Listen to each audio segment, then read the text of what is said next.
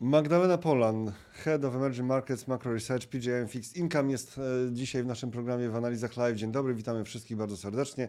Robert Stanilewicz, Analizy Online. E, Czekamy jeszcze trochę, e, kilka sekund na pozostałych. Ludzie się zbierają, widzowie się zbierają, widzki się zbierają. Dzień dobry wszystkim. E, Dzień dobry. O, dziś będzie ciekawie. Pani Magdo, o, dziś będzie ciekawie. Na pewno będzie ciekawie. Masa tematów e, takich ekonomicznych, rynkowych będzie o niemieckiej gospodarce, która w rozsypce, co najmniej w stagnacji, e, ale także o amerykańskich obligacjach z wypasionymi stopami podkręcone rentowności mogą zostać na dłużej. Generalnie o rynkowych upiorach będzie, proszę Państwa, tak jak widać na okładce, ale my nie jesteśmy poprzebierani w jakieś upiorne historie. Już wystarczy ta okładka, która na pewno parę osób zbulwersowała. Taki poważny kanał i taka okładka. Pani Magdo, dzień dobry, witam serdecznie y, w ten... Dzień dobry i no i to dzień. brak przebrania pomimo perswazji niestety. A pani Pan perswazji, tak? bez przebrania. Tak, znaczy tak, y, no jakoś e, i- jakoś chyba całą energię poświęci, zużyłem już na to przebieraniową, na to, żeby taką okładkę zaakceptować, którą mamy dzisiaj na, tak, na, na temat naszego live'a. To za chwilę może tą okładkę jeszcze tutaj wrzucę, żeby ona nam towarzyszyła przez chwilę. Y, Proszę bardzo, ale pani też nie jest przebrana e, w nic e, halloweenowego. Ja jestem przebrana za Fed Dots. Za, aha, proszę bardzo, tak? Za Fed Dots. To są kropki Fedu, słynne. To są kropki No tak, Fedu. rzeczywiście. No, no rzeczywiście. No dobrze, s- trochę small talku na początek, e, po londyńsku, w, w, zanim ruszymy już do naszych tematów, ale w ramach tego s- small talku przenosimy się na chwilę do Nowego Jorku, e, proszę Państwa, bo tam e, pani Magda przebywała ostatnio, zresztą przebywała też w Marrakeszu. e, I, ale o Nowym Jorku teraz będzie. I co my tam w tym Nowym Jorku mamy? Mamy, proszę Państwa, coś takiego, momencik, zaraz pokażę, takiego bardzo przedsiębiorczego mieszkańca Nowego Jorku mamy, e, którego Państwu pokażę. Właśnie to jest ten bardzo przedsiębiorczy e, mieszkaniec Nowego Jorku. Tak. No tak, O, to jest już proszę. e, e, no, bohaterem ten, ten szczur lub szczurzyca została już dość dawno temu, ale tak. chyba pokazuje problem, z którym boryka się Nowy Jork, czyli e, wysoki stopień zaszczurzenia. I rzeczywiście te szczury nie boją się i jak Państwo widzą, są bardzo przedsiębiorcze i szczególnie uwielbiają mieszkać w metrze, bo ten szczur akurat zabiera pizzę do metra, żeby powiedzmy nakarmić rodzinę. No i ponieważ problem jest tak duży, że Nowy Jork zatrudnił nowego tak zwanego rat tsar, czyli cara do e, radzenia sobie ze szczurami, ale też e, ponieważ Nowojorczycy sami są przedsiębiorczy, e, wprowadzono do użycia nową aplikację na telefony komórkowe pod tytułem Rat Detector, czyli można raportować stan zaszczurzenia na stacjach metra i też sprawdzać, gdzie te szczury w metrze są. A więc problem osiągnął na pewno spore, e, spore rozmiary. Kolejna atrakcja Jeżeli- turystyczna w Nowym Jorku. Nie szczury nawet, bo to akurat w wielkich miastach może nic nadzwyczajnego, ale e, Rad Detektor to jest rzeczywiście atrakcja turystyczna, że można pojeździć metrem i sobie po, pozliczać. Może sobie patrzeć, no tak, Rozumiem. ale no, myślę, że rozwiązuje to pewnie też taki prawdziwy problem, żeby sprawdzić, gdzie właściwie one są. Po to, aby się ich, e, powiedzmy, zredukować ich liczbę, no to jednak trzeba wiedzieć, gdzie one są, więc tutaj takie e, wsparcie ze strony e, szerokiej publiki na pewno pomoże w temu nowemu lub nowej RAT-SAR z zmniejszenia. Używała zmniejszenia pani? liczby. Używała pani? Założyła sobie pani, czy jeszcze nie? Czy Nie, jednak- nie, bo e, no, widziałam je znowu dzisiaj, chociaż w lecie, kiedy byłam w sierpniu, było ich trochę więcej z powodu lepszej pogody. No ale niestety to jest jednak. Czy, e, czy, taki, czy, to, czy to jest temat halloweenowy? Czy to można za, potraktować jako jeden z takich szczur w przebraniu, szczur w dyni na przykład? Proszę E, Państwa, no tak, tak wygląda. Czy jakieś strachy w Marrakeszu też się pojawiały? W Marrakeszu na pewno. E, Na pewno e, pojawił się strach związany ze zmianą klimatu, dlatego że w mm, Marrakeszu temperatura przez tydzień wynosiła 37 stopni, co było 10 stopni powyżej średniej na ten okres. No ale z takich strachów ekonomicznych na temu. I pewno. to było jakieś 2-3 tygodnie temu, tak? To Gdzie- było gdy tam dwa i było? pół tygodnia temu, tak. Mhm. A, a na pewno ze strachów ekonomicznych pojawił się taki strach związany z tym, że te instytucje, instytucje tak zwane Bretton Woods, czyli Międzynarodowy Fundusz Walutowy, Bank Światowy i podobne, e, no nie są skrojone na obecne czasy, w których e, zmiany geopolityczne e, i, i wyjście też na, do pierwszej ligi lub przynajmniej drugiej ligi dużych graczy, takich jak Chiny, Arabia Saudyjska i inne, no, no już nie przystają do tej rzeczywistości, a trzeba te role y, jakoś zdefiniować, podzielić się też może władzą i siłą głosowania, w, szczególnie w sytuacji, w której no, około 13 krajów ciągle pozostaje w tak, y, albo w tak zwanym bankructwie, defaulcie, czy w takiej sytuacji do, no, mocno um, naprężonej sytuacji, jeśli chodzi o ich dług publiczny, no ale też i jakaś trzydziestka jest w ryzyku tego, więc trzeba im będzie pomóc. To są szczególnie kraje o niskich dochodach. No a tutaj mamy podzieloną, e, podzielone zarządy, podzielone walkę o wpływy w, tym, e, w tej działce. E, pojawił się powiedzmy wiosenne już jaskółki się pojawiły pod postacią zgody na restrukturyzację długu kraju Zambii, i trochę postępu w Sri Lance, no ale to są dopiero pierwsze, pierwsze kroki w tym kierunku.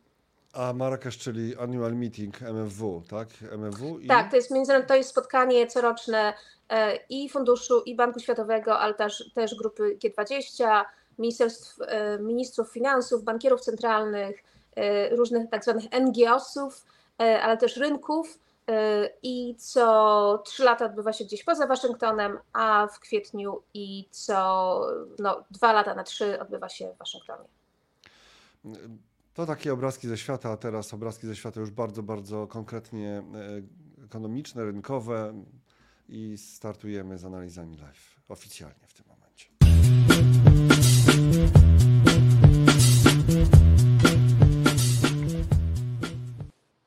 I będą rynkowe upiory, czyli wszystkie strachy. Niektóre, czasami można powiedzieć, że strach ma wielkie oczy, z drugiej strony e, te rynkowe upiory halloweenowe, e, albo bardziej, albo mniej, to nie są upiory z papieru, e, czyli jakieś maski, tylko, tylko jakieś realne zagrożenia. Tutaj taki rynkowy upiór nie uśmiechnie się za cukierka i nie odstąpi od swoich niecnych ewentualnych zamiarów, prawda? No i na liście tych upior, upiorów rynkowych w tym momencie Poza tym, że jest dużo pozytywnych czynników jednak mimo wszystko, tak? bo na przykład wczoraj rozmawialiśmy o tych takich pozytywnych czynnikach, y, bo jednak one są, gospodarka amerykańska pędzi, tak? tam był bardzo mocny odczyt PKB. To teraz będzie dzisiaj y, trochę bardziej upiornie. Czyli co jest takim największym upiorem teraz, albo jednym z większych? Y, zwłaszcza z naszego punktu widzenia, tak? z punktu widzenia centralnej Europy. Co jest takim upiorem, Pani Magdo? No też e, wkraczając e, w strefę okultyzmu, ten duch i upiór ma duże oczy i okulary Pola Volkera, które będziemy chyba powoli wskrzeszać, e, ale na pewno tym strachem jest tak zwane Pola higher for longer. Czyli byłego czyli... szefa rezerwy federalnej, który podnosił stopy procentowe do, do kilkunastu procent, to to, to, ten, ten, no trochę tam nim straszymy teraz, ale no na pewno ten strach higher for longer czyli wyższe stopy przez dłużej, co dla takich rynków jak Polska i inne niedolarowe i nieeuropejskie, w sensie euro, to pewnie też harder for longer, e, dlatego że musimy się borykać z wyższym kosztem finansowania w dolarze, jeżeli chodzi o e, finansowanie zagraniczne, no i ciągle w miarę wysokim stopniem niepewności co do właśnie długości tego okresu wyższych stóp procentowych. Ale jak sam Pan powiedział, no nie jest to um, bardzo zła sytuacja, bo jednocześnie no te stopy są wysokie z dobrych i, i niedobrych powodów. Niedobrych dlatego, że e, inflacja już spada, no ale ciągle pozostaje powyżej tego celu inflacyjnego, chociaż te wskaźniki takie miesięczne e, wskazują, że rzeczywiście spadła. No ale z drugiej strony z dobrych to jest to, że rzeczywiście gospodarka amerykańska jest w miarę silna e, i to e, jest napędzane siłą konsumpcji, e, która oczywiście nie, nie musi do końca trwać, dlatego że wydatki w lecie były naprawdę bardzo dobre i ten wzrost w trzecim kwartale był napędzany wydatkami konsumpcyjnymi. Lepiej by było, gdyby był napędzany inwestycjami bardziej w Stanach Zjednoczonych, no ale to też się pojawia szczególnie przy wsparciu tak zwanego Inflation Reduction Act i podobnych. Ale um, to jest pozytywne. Oczywiście panuje też taki strach co do tego, że nie do końca y, chyba wszyscy rozumieją, y, co poza tymi wydatkami konsumpcyjnymi napędza gospodarkę amerykańską i jak to będzie wyglądało w przyszłych kwartałach. Dlatego, że z jednej strony e, takie instytucje jak e, Brookings Institution i parę innych pokazują, że w gospodarce amerykańskiej jest negatywny impuls fiskalny, a jeżeli popatrzymy na oszacowania z niektórych banków prywatnych i z innych instytucji, pokazuje się, że to jest pozytywny impuls fiskalny, czyli e, nie, nie do końca wiadomo tak naprawdę, czy polityka fiskalna wspiera wzrost, czy od tego wzrostu ujmuje. Bo jeżeli ta polityka fiskalna ten wzrost wspiera, no to ten, e, te, te źródła wzrostu są lepiej wytłumaczone, zrozumiane, no ale jeżeli impuls jest fiskalny, no i to też może spaść w przyszłym roku, a jeżeli impuls fiskalny jest negatywny, no to jest chyba lepiej, bo jednak ten sektor prywatny w miarę sobie jednak e, radzi. No ale to e, abstrahując z tego, czy on jest pozytywny, czy jest negatywny, problem jest w tym, że do końca nie wiemy, czy mamy pozytywny, czy negatywny impuls fiskalny w gospodarce światowej, która jest chyba najbardziej, e, najbardziej analizowaną gospodarką na świecie, z największą liczbą danych. E, więc to pokazuje, w gospodarce że... amerykańskiej, w gospodarce amerykańskiej. W gospodarce amerykańskiej, mhm. więc amerykańscy ekonomiści do końca sami nie wiedzą, e, co, e, co analizują i to na pewno chyba też powinno nas trochę przestraszyć, dlatego że jeżeli już oni nie wiedzą, jeżeli Brookings i JP Morgan i IMF nie zgadzają się ze sobą co do tego, no to jednak chyba nie wiemy do końca, co tak naprawdę wpływa na wzrost amerykański. Czy no polityka, fiska, czy polityka fiskalna czy polityka może... Fiskalna, tak, jak w tak ogóle ona wygląda? Ale czy, zaraz, ale czy ta rozbuchana polityka fiskalna w Stanach może działać antywzrostowo?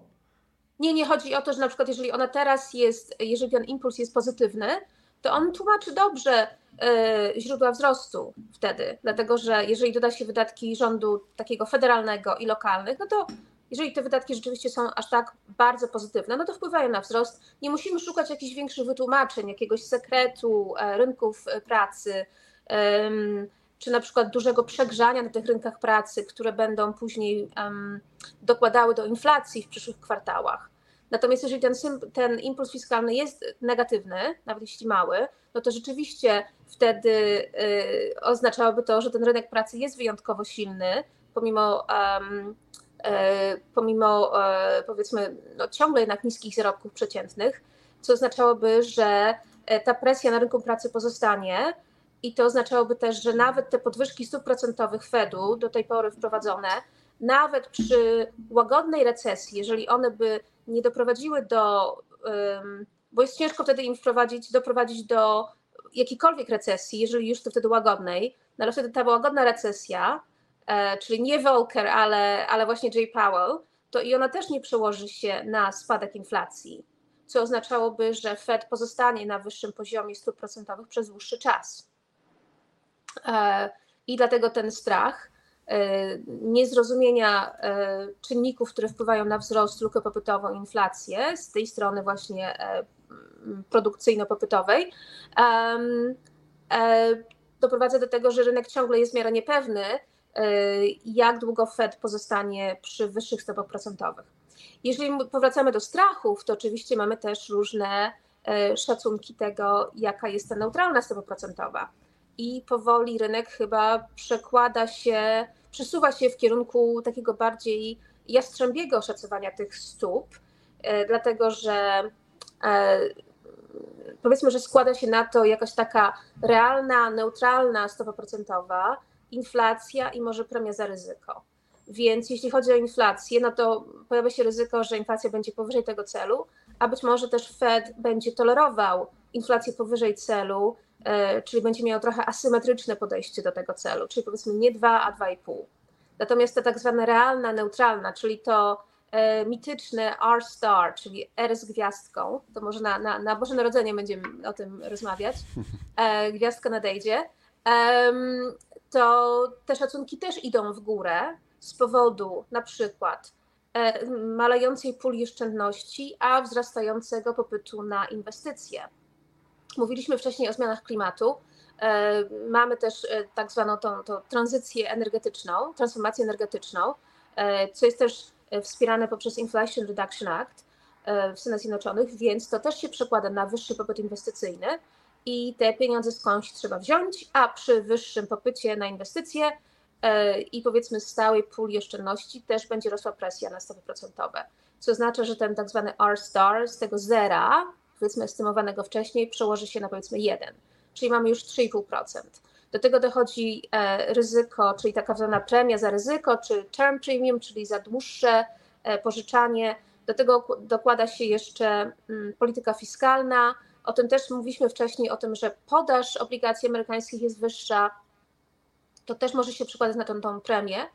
No i poza tym jeszcze oprócz podwyżek e, Federal Reserve robi też quantitative tightening, czyli sprzedaje te obligacje które ma w swoim posiadaniu.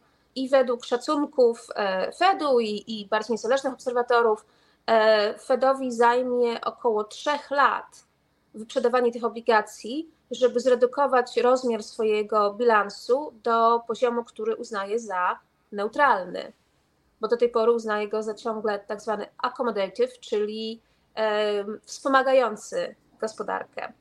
No i to suma summarum dochodzi do około, do około stopy 4,5, e, które będzie taką neutralną, um, nominalną stopą procentową.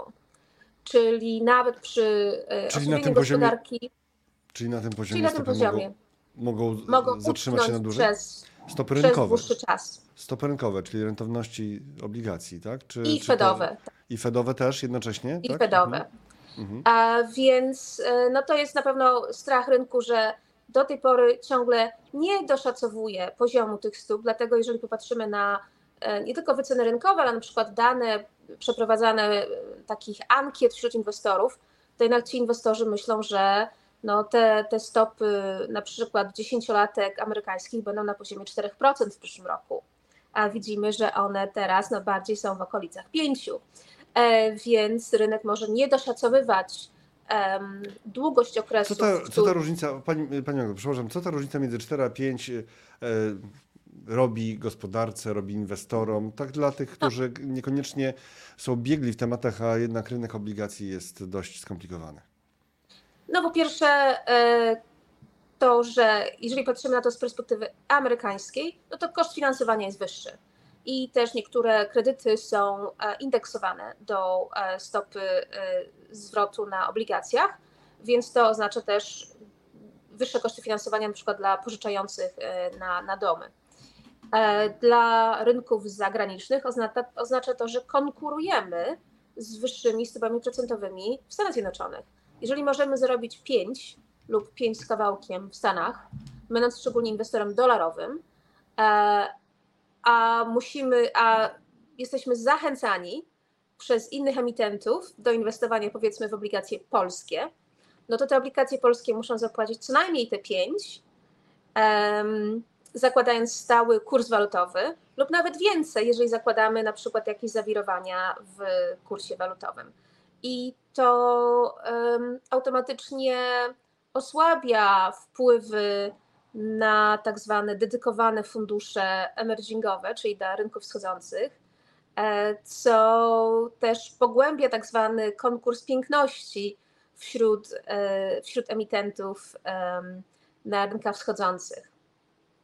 E, do tego dochodzi jeszcze to pożyczanie w dolarze, na przykład dla eksporterów, importerów, dla dużych firm, które handlują na rynku międzynarodowym, które ciągle finansują się w dolarze przeważnie, więc to po prostu znaczy, że ten koszt pieniądza pozostaje wyższy przez dłużej, co to oznacza presję na, na zyski, presję też na ceny ewentualnie. No, w końcu końcem też może to przełożyć na jakąś taką presję kosztową um, e, i, i, właśnie tą wzrostową.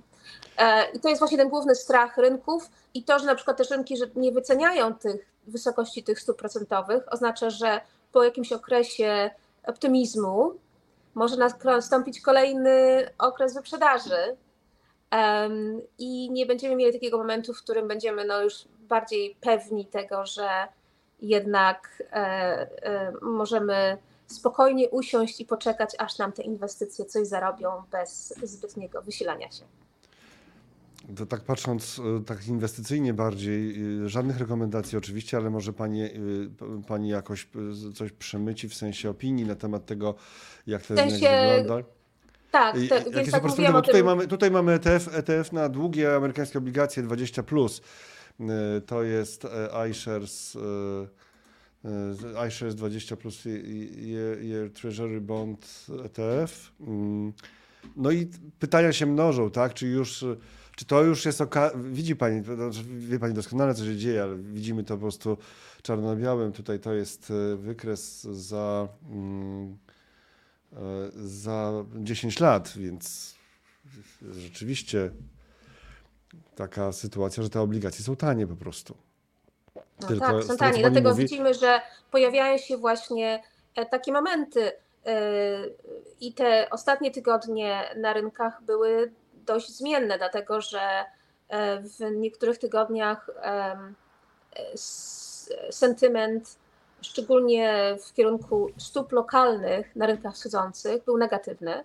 Te stopy się wyprzedały, a w następnych tygodniach był pozytywny, dlatego że e, poprawił się sentyment co do oczekiwań Fedu. E, więc te krótkie mhm. stopy procentowe, właśnie Fedu, E, napędzały to, ale z drugiej strony pojawiają się te obawy co do um, tych stóp długookresowych, czy to już, czy zostaną dłużej i to wpływa na tą właśnie wysoką zmienność um, w sentymencie i w, też na tym, co się dzieje na rynkach wschodzących. I tak jak mówiłam, to niekoniecznie musi doprowadzać do jakiejś stałej wyprzedaży, e, szczególnie na rynkach wschodzących, ale do takich częstych zmian tego, być może tej realizacji, że te stopy nie będą do końca szły w dół, ale też właśnie tej dużej niepewności, o której mówiłam wcześniej, że do końca nie wiemy, czy ten impuls fiskalny jest pozytywny, czy negatywny, czy jeżeli e, rząd federalny trochę przystopuje z wydatkami, no to wtedy e, rzeczywiście zobaczymy spowolnienie w gospodarce amerykańskiej, co usprawiedliwi pauzę Fedu i, i być może obniżki jakieś za jakiś czas. E, ale wracając do kolejnego strachu, o którym mamy dzisiaj mówić i upiorach, czyli powrocie prezydenta Trumpa e, na stanowisko z Białego Domu lub powiedzmy z celi więziennej, e, no to, to też może wpłynąć na, e, na te wyceny. A tak. to, już, to już przypominajmy, to jest perspektywa jednego roku. Więc to nie do końca znaczy, że na przykład Trump, prezydent Trump wróci, ale oczekiwania rynkowe co do tego i wycena rynkowa też będzie nas trochę straszyła. Czyli będzie podbijała rentowności amerykańskich obligacji i obniżała ich ceny? Tak, ale też chyba bardziej będzie wpływała na to, co się będzie działo poza Stanami Zjednoczonymi.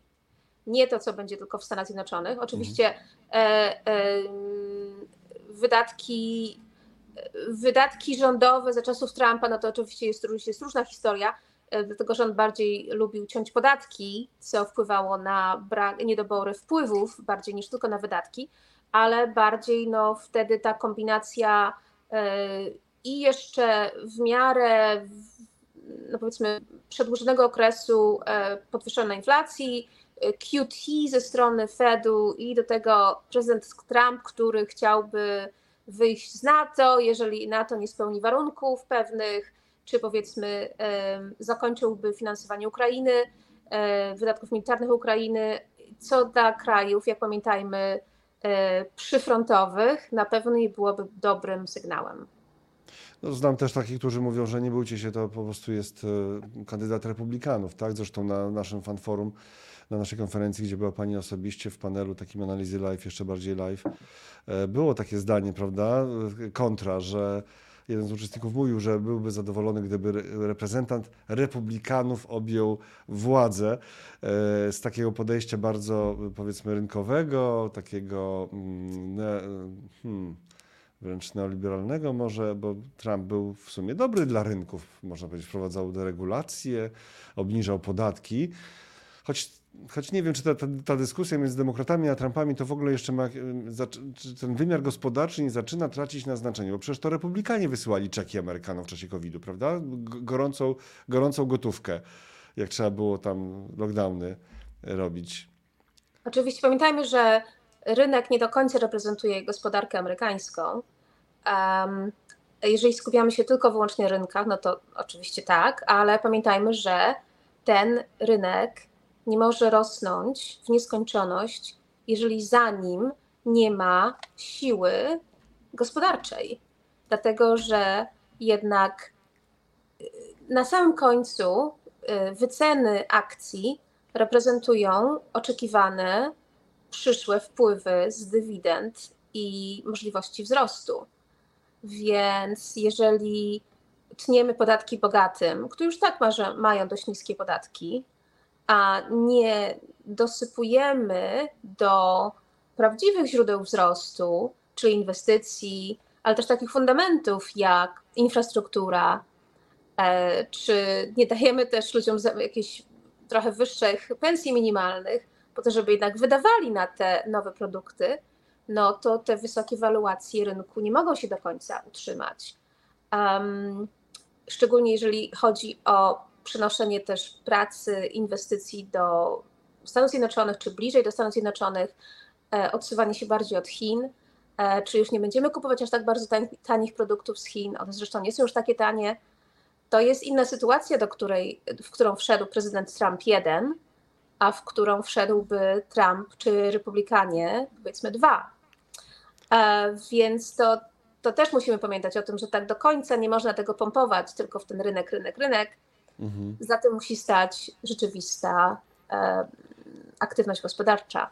Ale czy kwestia Chin nie jest kwestią taką, która tak czy inaczej wisiała nad Stanami? Każdy dowolnie, jaki byłby to prezydent, to był... Joe Biden nie złagodził swojej polityki, nawet zaostrzył Absolutnie nie. To, I to Joe Biden wprowadził Buy American, bo jednak mhm. Inflation Reduction Act to jest bardziej Buy American. E, nie tylko, e, e, nie tylko przemycona, przemycony program inwestycyjny, ale on ma bardzo duże zachęty do kupowania właśnie amerykańskich dóbr inwestycyjnych na to. I tu była całkowita zgoda, dlatego że i Europa, i Stany Zjednoczone zgadzały się z tym, że Chiny wykorzystują zasady działania w, w Światowej Organizacji Handlu, E, i też z punktu widzenia strategicznego nie chciały mieć kraju, który dość szybko przegoni je i ekonomicznie, i technologicznie. Czy jeszcze jakiś wątek Trumpowy i skutków dla rynków ewentualnego? Oczywiście dla naszego, dla naszego regionu jest wielka niewiadoma, bo faktycznie te zapowiedzi buńczuczne trochę mrożą krew w żyłach. Nie wszystkim, ale mrożą. To wycofywaniu się z NATO, ale z drugiej strony może to była tylko taka retoryka, może była to polityka, może to była próba obudzenia jednak partnerów NATO do tego, żeby się wzięli za swoje też e, bezpieczeństwo samodzielnie. No, jednak te wydatki za sprawą oczywiście wojny w Ukrainie, te wydatki zaczęły rosnąć. E, Polska jest tego oczywiście takim chyba sztandarowym przykładem, więc może już nie ma takiego argumentu, żeby nowy Trump, Trump 2.0 wyszedł i powiedział: Mamy was dosyć, wy nie chcecie wydawać pieniędzy na swoje armie, my nie możemy tego wszystkiego dźwigać, więc dziękuję, do widzenia, zajmiemy się, zajmiemy się Azją na przykład, tak, i zagrożeniem chińskim wyłącznie, Europa tam niech spada. Radźcie sobie sami, tak. Radźcie sobie sami, może już... To powrócę, powrócę do tego, ale myślę, że żeby zakończyć ten temat, ten wątek amerykański, um, myślę, że rynek będzie bardzo uh, uważnie obserwował proces nominacji e, w partii republikańskiej, dlatego że do tej pory e, no, ci kandydaci nie są, powiedzmy, nie inspirują spokojem. I sytuacja, w której Chris Christie lub Nikki Haley są najbardziej rozsądnymi kandydatami w tej puli, szczególnie Chris Christie, no, pokazuje na pewną e, krótkość ławki republikańskiej, jeśli chodzi o dobrych kandydatów. No ale ze strony demokratów też nie jest za bardzo ciekawie, dlatego że mamy Joe Bidena, który chociaż okazuje się dobrym prezydentem, w którym bardziej cichym, jeśli chodzi o sukcesy i kraj sobie radzi dobrze, no to jednak też nie inspiruje zaufaniem i nawet y, zadedykowani demokraci, którzy nie znoszą Trumpa, no mają też wątpliwości co do wieku prezydenta. I niektórzy w ramach protestu nawet mówią, że nie będą głosować z tego powodu, chociaż oczywiście to jest wtedy efektywnie głos na partię republikańską. Ale wracając do Europy. Tylko dygresja tutaj, oj tam, y, y, pani Magdo, Paweł pisze, Pawełka, oj tam, w Argentynie to dopiero mają ławki, w cudzysłowie. O, tam jest ławka, tak, to prawda. E, To już nie będę tym straszyła, dlatego że to chyba jest dość przetwiszony straszak argentyński. E, Jak widać, Argentyna jest najgorszym wrogiem samej siebie w tej sytuacji. No to nie jest takie, to nie jest takie rzadkie, żeby być największym wrogiem samego Tak. siebie, czy w, w kat- kategorii państwa. Tak, Mhm. niestety e, szansa była przy prezydencie Macrim e, i niestety ten bardzo łagodny, e, nawet ten łagodny, e, łagodne tempo reformy gospodarki argentyńskiej okazało się za brutalne dla populizmu e, Mhm. argentyńskiego. Ale wracając do Europy, to też wskazuje pewnie te, ta dyskusja NATO i, i strategii obronności, bo wykazuje na pewien marazm e, w polityce europejskiej i mówiliśmy tutaj właśnie Niemcy w rozsypce, no to nie tylko Niemcy, ale właśnie brakuje nam chyba tutaj mm, takiego przytupu z naszej strony europejskiej i zdecydowania się. O, Więc to też chyba pozostanie strachem przez następny rok, szczególnie właśnie w sytuacji, gdyby Okej. Pani Magdo, wejdę w słowo teraz, bo te, nie, Europę i Niemcy sobie zostawmy, to się wprawdzie łączy z tą rozmową o tym, co zrobi ewentualny Trump 2.0, także w tych kategoriach, jeżeli chodzi o NATO, Europę e, Środkową, o wspieranie Ukrainy, ale ja bym jeszcze chciał wrócić na, sek, na sekund kilka może, może parę minut do Stanów, do polityki monetarnej, do Fedu.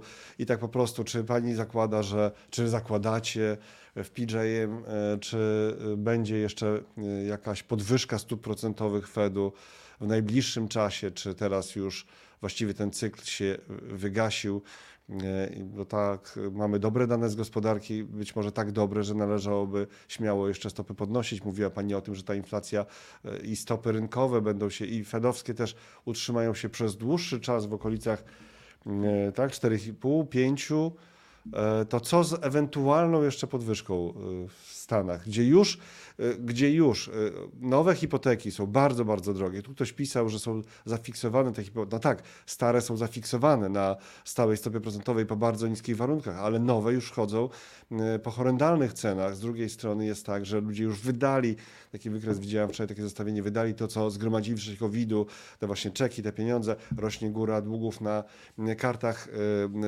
na kartach kredytowych, także tych długów niespłaconych, te karty kredytowe będą też coraz droższe w sytuacji, kiedy e, stopy Mhm. miałyby jeszcze urosnąć. To, to, to, I to byłby, wprawdzie Janet Yellen, był taki tekst w Bloombergu, cytowali ją, że sekretarz skarbu USA, że te stopy są wysokie, rynkowe stopy są wysokie, dlatego że gospodarka jest taka silna i taka odporna. Ale to już przydługie pytanie, moje pytanie e, krótkie brzmi, co ze stopami w Stanach? Zakładamy e, jeszcze jedną podwyżkę, e, chociaż oczywiście uznajemy te wszystkie argumenty, które Pan e, w tym momencie e, podał, czyli gdyby tych podwyżki jeszcze jednej nie było, to nie będzie tak dużą niespodzianką. Czyli wracając do e, takiego, takiego języka rynkowego, conviction level, czyli poziom przekonania, co do tego nie jest aż tak wysoki, jaki mieliśmy przy poprzednich podwyżkach.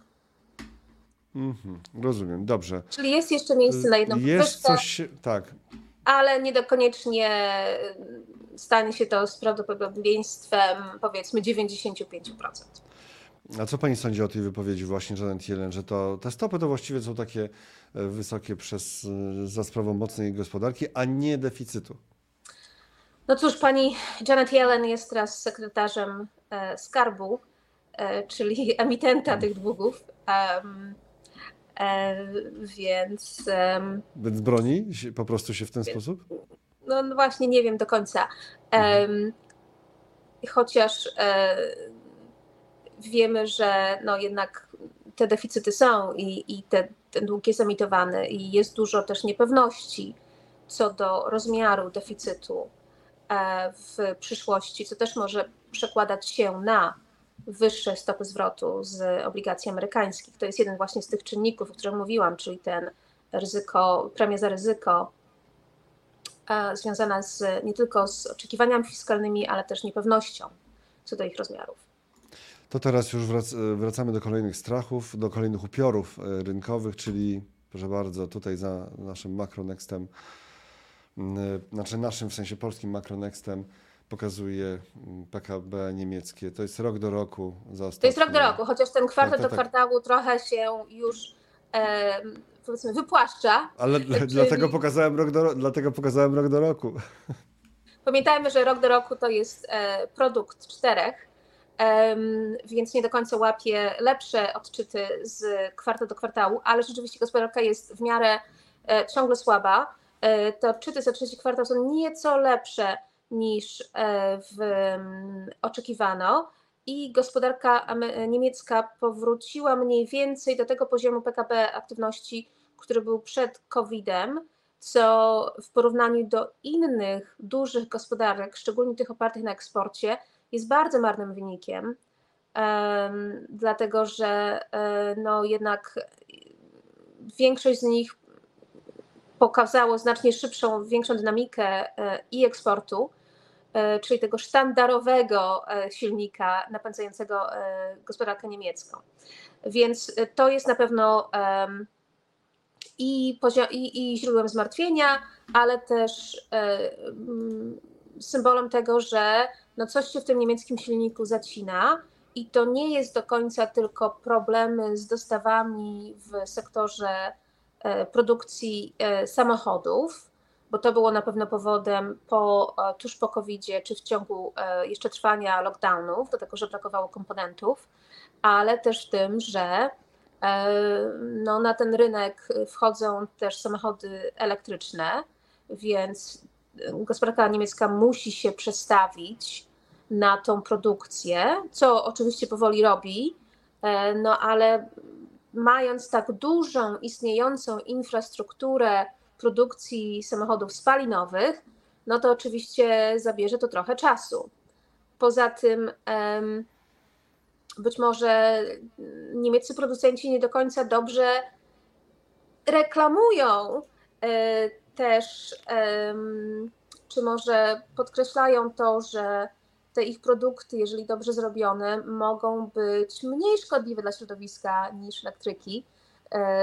Więc tu brakuje pewnie też dyskusji na ten temat, ale głównym powodem tego jest to, że na przykład gospodarka chińska jest bardzo zainwestowała w produkcję samochodów elektrycznych i w tym momencie przebija właśnie te, te tradycyjne sektory niemieckie. No to jest powiedzmy problem strukturalny, cykliczny, z którym wiele krajów się boryka i borykało w przeszłości. Tak samo było też w Niemczech, kiedy wprowadzono reformy za czasów Gerharda Schrödera, kiedy Niemcy były nazywane the sick man of Europe, czyli, e, czyli chorym, chorym, e, chorą gospodarką Europy, ale wtedy jednak e, znaleziono energię polityczną i konsensus polityczny, żeby te reformy wprowadzać. A w tym momencie jakoś tak no nie widać za bardzo i, i energii, i chęci większych zmian, dyskusji na temat tego. E, I też widać, że na razie Niemcy borykają się też z bardzo przerośniętą biurokracją, e, procedurami, e, za, zacofaniem technologicznym. Te słynne faksy niemieckie już pewnie w- wchodzą powoli do właśnie takiej kultury memowej. A co to jest? A co to jest faks? no właśnie, no właśnie. Czy na przykład pojawiło się ciekawe studium tego, ile trzeba dostać zezwoleń na to, żeby przetransportować e, śmigło do turbiny wiatrowej w Niemczech.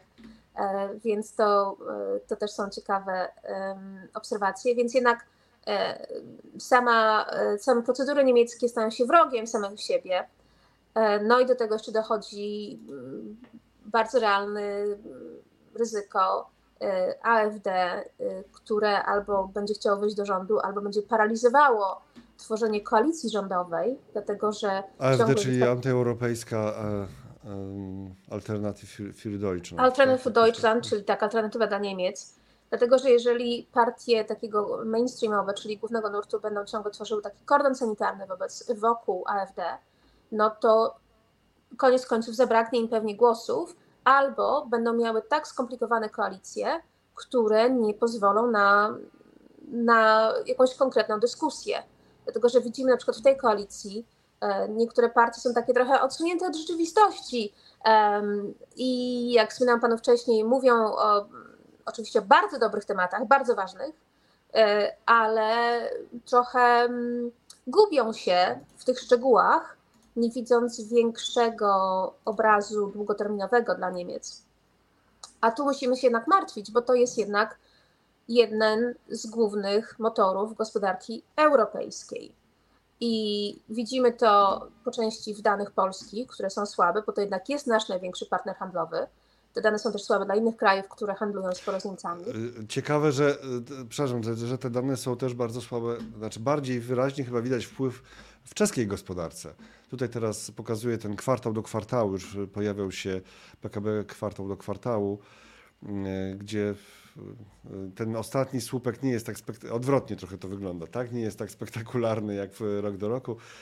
Mm, tak to wygląda. Tu przy okazji jeszcze gospodarka w trzecim kwartale skurczyła się mm, tweet Macronexta o 0,6% rok do roku i to już jest trzeci kolejny kwartał recesji u naszego południowego sąsiada. Mm, chyba bardziej widać jednak wpływ na czeską gospodarkę. Oczywiście, bo jest jednak bardziej podłączony do gospodarki mhm. niemieckiej, a też poza tym Czechy bardziej jednak są skoncentrowane na e, produkcji samochodowej, no i w ogóle tego, tego podłączenia się w, e, w łańcuch niemiecki. Jednak Polskę ciągnie to, że ma też duże inne sektory, nie tylko motoryzacyjne i bardziej prężny, zdywersyfikowany sektor prywatny. Więc to widać. Jednak i musimy się tym martwić, bo jednak Niemcy są też największym płatnikiem do, um, do funduszów y, Unii Europejskiej. E, I taka kombinacja niskiego wzrostu, dysatysfakcji, wzrostu populizmu, no, wpływa, będzie wpływał negatywnie na, na cały kontynent i na całą Unię Europejską, dlatego że widzimy też e, z jednej strony, e, co na przykład rządy populistów mogą robić w Unii Europejskiej, e, czyli ta destabilizacja, e, e, ale też z drugiej strony wpływa to na powiedzmy takie niekonkurencyjne i nie fair zagrania w strefie w Unii Europejskiej. Sami pamiętamy, jak inne kraje europejskie eliminowały na przykład konkurencję firm transportowych Mm, i wprowadzały ograniczenia dla możliwości pracy kierowców z zagranicy. I kiedy te, mm, ta konkurencja innych krajów Unii Europejskiej jest silniejsza, e, a sytuacja w kraju jest słabsza, no takie populistyczne tendencje będą się pojawiać.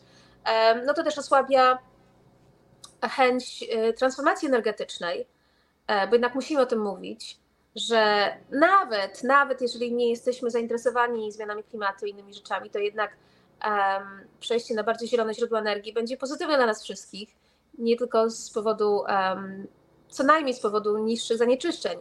Um, a to też no jednak karmi takie spowolnienie w tej w, tych, w tym apetycie na oczyszczanie jednak naszych źródeł energii co też powoduje, że jesteśmy coraz bardziej ciągle jeszcze zależni właśnie od producentów takich, nie tylko już teraz Rosja, no ale Arabia Saudyjska, Katar i, i inne. E, więc tutaj na pewno dla, dla a Europy. A propos energii, mogę się, tak, a propos energii, mogę tutaj się wbić z pewnym temat, tematem jeszcze dotyczącym energii. Tak, słucham. W Niemczech, w Niemczech jest dyskusja, y, znaczy to jest spór z Francją też, tak, o, te, o, o energię, o koszty energii, o to, że tam Francja według Niemców gra chyba niezbyt czysto, jeżeli chodzi o te koszty energii i sobie podbija e, pozycję konkurencyjną. E, teraz mamy jakieś historie z Siemensem, że ma dostać pomoc publiczną, e, gigantyczną, no bo to jest kluczowa firma jednak związana z, energetyką. Przy okazji w tym artykule Bloomberga jest fajne zestawienie E, dotyczące tego, jak, e, jakie są koszty energii dla biznesu. E, I niemiecki przemysł płaci więcej za energię niż Chiny i Stany Zjednoczone. I tutaj niemiecki przemysł to jest taka zielona, zielona linia. Mm, która pnie się do góry. Tak, to ciekawe akurat na tym wykresie jest też to, że jest tutaj Polska uwzględniona i my mamy akurat najwyższe, tak na marginesie, ale nie Tak, dlatego chciałem tak. pokazać. Tak, ale, ale to jest właśnie też kolejny problem Niemiec, że mm, energia dla przemysłu jest droższa niż u u konkurentów. To tak, i to widać też w danych e, o produkcji przemysłowej i tych sektorach, które są bardziej energochłonne. E, widać, że jednak te radzą sobie słabiej niż e, te mniej energochłonne. E, tak, i ten wykres dla Polski to też jest już zupełnie chyba inny temat na temat tego, Inny temat, tak. Ale w jest. Francja, też czarna linia to jest Francja, gdzie jest zupełnie płasko, to się niewiele zmienia. Francja, która ma energetykę postawioną na elektrowniach jądrowych, więc, więc to jest, widać to, tą Tak, tę a Niemcy przepaść. je, Niemcy je zamykają i tak naprawdę przesunęły się bardziej w kierunku, chociaż mają bardzo duże w porównaniu z innymi krajami źródła energii odnawialnej, to jednak przy zamknięciu energii atomowej, no e, relatywnie stał się ważniejszy.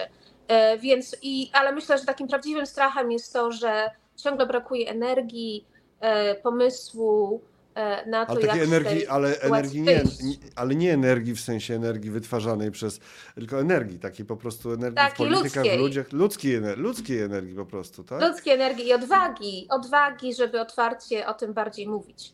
E, więc na pewno te, tego potrzeba nam, dlatego że e, cokolwiek e, niektóre media mówiłyby o, o e, sile wpływu sąsiada z Odry, to jednak nie dzieje się tam za dobrze.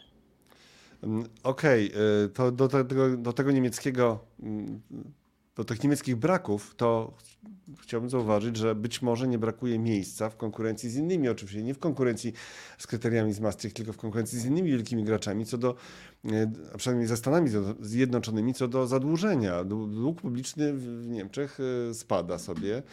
64, Tak. no powiedzmy 64,5, troszeczkę więcej do PKB. E, Oczywiście, jak to, e, jakby to podawać nominalnie, to, to są jakieś gigantyczne biliony euro. No ale to, Znaczy to jest mniej ważne, jednak liczy się Mniej ten, ważne, ale ja ten- mówię o tym, że ja to trochę taka dygresja, bo oczywiście w polityce jest bardzo modne i wiele osób to kupuje, które no nie są, nie, nie wiedzą o tym mechanizmie podawanie długu publicznego nominalnie. W Polsce tak się politycy prze, przerzucają, to nawet ci, którzy doskonale wiedzą, że to, albo powinni wiedzieć, że tak nie można, jak premier, Mor- jak tam PiS obejmował kiedyś rządy, to też y, Mateusz Morawiecki mówił o tym, jak to dług publiczny, ten bilion, bilion coś, tak, teraz, to po obydwu stronach jest takie epatowanie tymi, tym długiem publicznym Tak, ale to, co jest Ale ciekawe tutaj w tym wykresie, to jest to, że Niemcy miały negatywne zwroty na obligacjach, czyli tak naprawdę my płaciliśmy im, żeby naszą kasę brali od nas i nic z tym nie zrobili. I to jest taka podstawa finansowania czy finansów. Jeżeli ktoś nam daje kasę za darmo, nawet nam daje, płaci nam za to, a my tego nie inwestujemy, no to chyba źle zarządzamy tymi pieniędzmi. Ale jak to się ma do tego długu y, spadającego w Niemczech? Nie, no to bardzo dobrze, że ten dług spada, oczywiście. Ale to, ale tak, ale że Stany mają tam sto kilkanaście procent, czy 130, nie pamiętam teraz dokładnie, ale mówiliśmy o tym chwilę temu, długo do PKB, tak, to, no to znaczy, że Niemcy spokojnie mają jeszcze dużą przestrzeń, nie? No tak, tylko mają? że nie chcieli, nie chcieli brać nowego długu w sytuacji, kiedy stopy procentowe były negatywne, czyli nawet przy Mhm. drobnych inwestycjach, które jakiś tam pozytywny zwrot miałyby, nie chciano tego robić. Aha.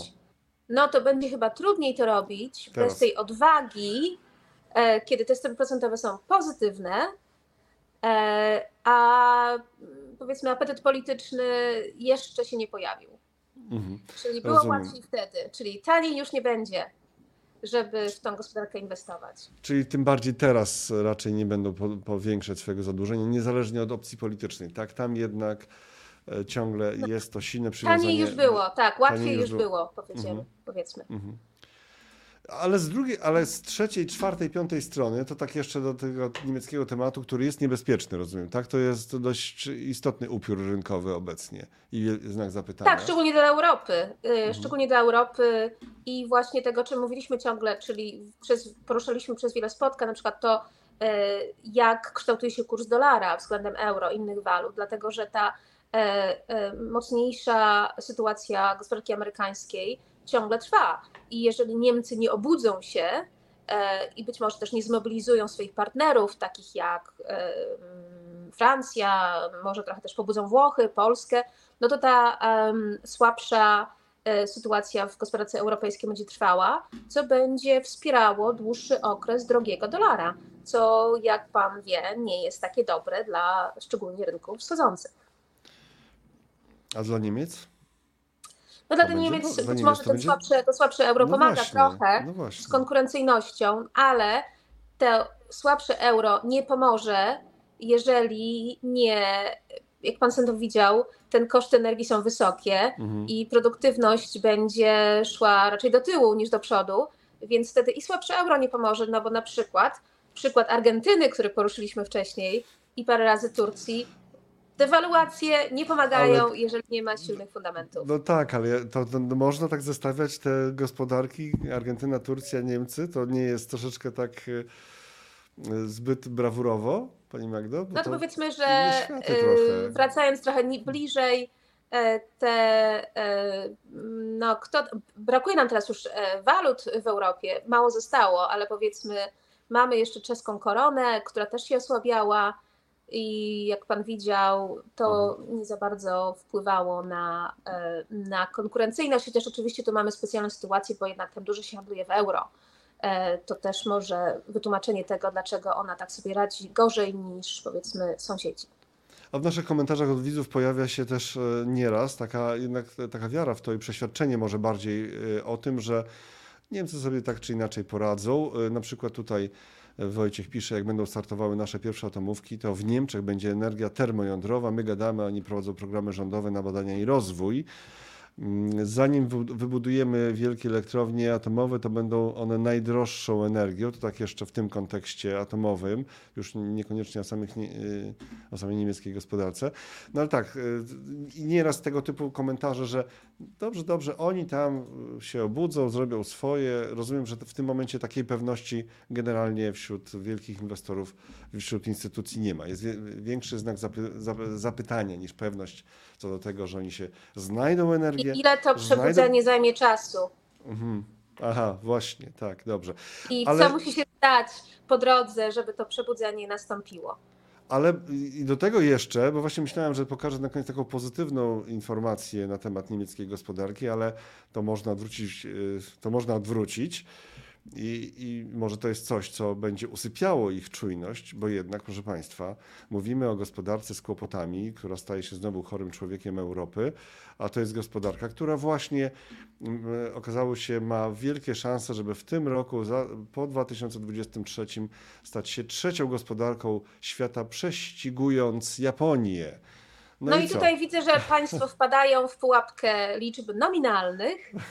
E, Czyli, a o czym mówi? Dzięki słabemu jenowi, czyli w dolarach y, będą więksi, ale co z siłą nabywczą wtedy? Więc na to musimy też patrzeć. Mhm. E, pani Magdo, polskie obligacje teraz. Nie wiem, czy to już w ramach strachów, ale polskie obligacje, Polska po wyborach, już może niekoniecznie upiornie, rynkowo, ale generalnie muszę Panią o to, o to zapytać, czyli Polska po wyborach, jak Pani ocenia to, co na rynku się wydarzyło, umocnienie złotego. Na długu jakoś tam nie bardzo koniecznie coś się chyba, tak? Y, Niekoniecznie, dlatego że jak mówiłam wcześniej o tym też, te zawirowania na rynku amerykańskim, czyli y, i optymizm przekładający się w pesymizm, właśnie to oczekiwanie co do, do stóp Fedu i, i stóp um, obligacji amerykańskich przekładają się na to, co się dzieje na rynku um, polskim. Tak jak mówiłam wcześniej, jest ciągle mało wpływów na szczególnie fundusze zagraniczne, które później kupują te obligacje. E, widzimy, że do tej pory w tym roku one były negatywne. Jedyne wpływy pozytywne były na fundusze, które mają strategię ESG, czyli te kryteria środowiskowo-społeczno-zarządzania, jakości zarządzania. Tam mamy pozytywne wpływy. E, na resztę funduszów e, na rynkach wschodzących są te wpływy netto negatywne. ale to zaraz, strony... to wpływy na, do funduszy na rynkach wschodzących, ale tych funduszy ESG, tak? Tam są... Są pozytywne. Hmm. Są pozytywne, dlatego że szczególnie inwestorzy europejscy są bardzo zainteresowani tymi strategiami. Natomiast większość inwestorów, szczególnie tych detalicznych, e, ciągle jeszcze e, wychodzi z rynków wschodzących. Ci bardziej instytucjonalni widzą dość dobrą waluację czy wycenę e, tych rynków. Ale to mówiąc o tej stronie zagranicznej, no to tych wpływów za bardzo jeszcze nie ma. No a jeżeli popatrzymy na rynek polski, oczywiście inwestorzy, szczególnie jeśli chodzi o złotego, przyjęli wynik wyborów pozytywnie, ale nawet niezależnie chyba od scenariusza tego, kto będzie rządził e, w, pod koniec tego roku czy w przyszłym roku, no to jednak plany fiskalne są dość takie zrelaksowane, e, biorąc pod uwagę, że i budżet, To znaczy? który został zostawiony przez poprzedni rząd, zakłada spore wydatki. nadmiernie zrela- zrelaksowane. No, biorąc pod uwagę, że jest ciągle wysoka inflacja, która napędza e, przychody rządowe, ale jednak jest sporo nowych wydatków i przedłużane są różne e, tarcze i programy, no to jednak też widzimy, że i te oszacowania deficytu budżetowego na ten rok czy na przyszły są większe, i też emisje długów będą większe w tej sytuacji, no to wpływa na, na negatywnie na rynek obligacji, e, tych złotowych, ale też tych um, w walutach obcych, dlatego że jeżeli Polska będzie emitowała sporo długu, no to jego cena będzie spadała. No ale mówiąc o tym, że. Cena spadała, rentowności jest- rosły. Mhm. E, Tak, e, więc i, i budżet jest taki zrelaksowany, ale też nie widać apetytu, jeżeli nawet rząd się zmieni, no to nie widać apetytu, żeby to um, powstrzymywać w ryzach, dlatego że są wybory lokalne, wybory europejskie e, i też ten skład potencjalnej koalicji jest taki od prawej do lewej i to nawet e, potencjalny nowy premier, stary nowy premier Donald Tusk mówi o tym, że nie będzie e, jednak redukował wydatków publicznych, przynajmniej w przyszłym roku. E, Czyli w różnych scenariuszach politycznych to ta relaksacja fiskalna pozostaje. Więc pomimo oczekiwanej poprawy w stosunkach z Unią Europejską, być może napływu funduszów z KPO, które też nie do końca są pewne, dlatego że pozostaje prezydent ten sam, e, no to jednak e, sytuacja fiskalna się nie poprawia. Do tego dochodzi e, to, że musimy długo czekać na ten nowy rząd, e, to, że pomimo em, brak szans na stworzenie nowej koalicji, jednak e, Prawo i Sprawiedliwość próbuje ją stworzyć i ciągle otwarcie mówi o tym, że chce podebrać posłów e, e, opozycji, no to, to dochodzi właśnie niepewność do tego, jak taki rząd będzie rządził w tej kohabitacji z prezydentem Dudą. No i dochodzą obawy o to, czy w ogóle ten nowy rząd, jeżeli będzie stworzony w końcu, będzie stabilny. Biorąc pod uwagę, że składa się z trzech bloków, nie tylko z trzech partii, ale z trzech bloków wyborczych i w- będzie no, w trudnej sytuacji e, właśnie z tym prezydentem Dudą i bardzo dobrze obsadzonych przedstawicielach Prawa i Sprawiedliwości i ich e, partii ze Zjednoczonej Prawicy w głównych instytucjach państwowych, więc to nie będzie łatwy rząd. E, Więc nawet w rozmowach e, wśród inwestorów pojawiają się pytania, czy w ogóle ten rząd przetrwa e, i kiedy mogą być przyspieszone wybory. Czy na przykład, czy one się wydarzą po wyborach lokalnych czy europejskich, po to, żeby tą władzę skonsolidować, albo być może będzie to słaba koalicja. E, Więc akurat z jednej ten strony ten- poprawa na To, to ryzy- o, tym ryzyku, o tym ryzyku trochę mówiono przed, y, przed y, wyborami jako scenariuszach rozważanych przez oponentów politycznych, ale teraz to ucichło, mam wrażenie, w, Polskie, w Polsce, w polskiej dyskusji.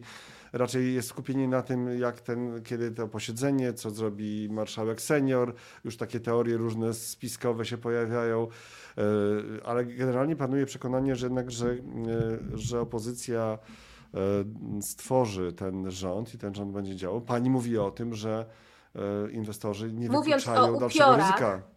Tak, Tak, mówiąc, ponieważ dzisiaj mówimy, tylko mamy czarne scenariusze, same duchy rynkowe czy upiory rynkowe, e, więc to jest właśnie z tych, e, jeden z tych scenariuszy negatywnych, który jest e, analizowany przez inwestorów. Więc myślę, że tak zwany baseline, czyli scenariusz bazowy to jest to, że będzie nowy rząd stworzony przez KO, KO Trzecią Drogę i Lewicę, ale no to ryzyko tego, że to będzie fragmentaryczna koalicja, czy taka trochę rozbita, czy będzie podgryzana przez wtedy nową opozycję, na pewno jest tam gdzieś z tyłu głowy inwestorów. Ale ogólnie rynek przyjął wybory pozytywnie i rzeczywiście skupiamy się też trochę na tych krótkookresowych wynikach tego, na przykład, czy będą kolejne obniżki stóp procentowych no w tej sytuacji, czy nie.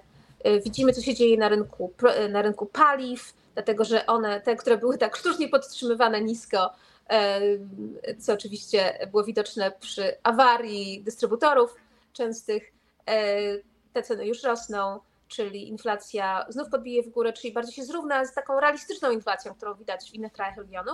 No i też z punktu widzenia takiej ekonomii politycznej też chyba zachęty co do obniżek trochę spadły.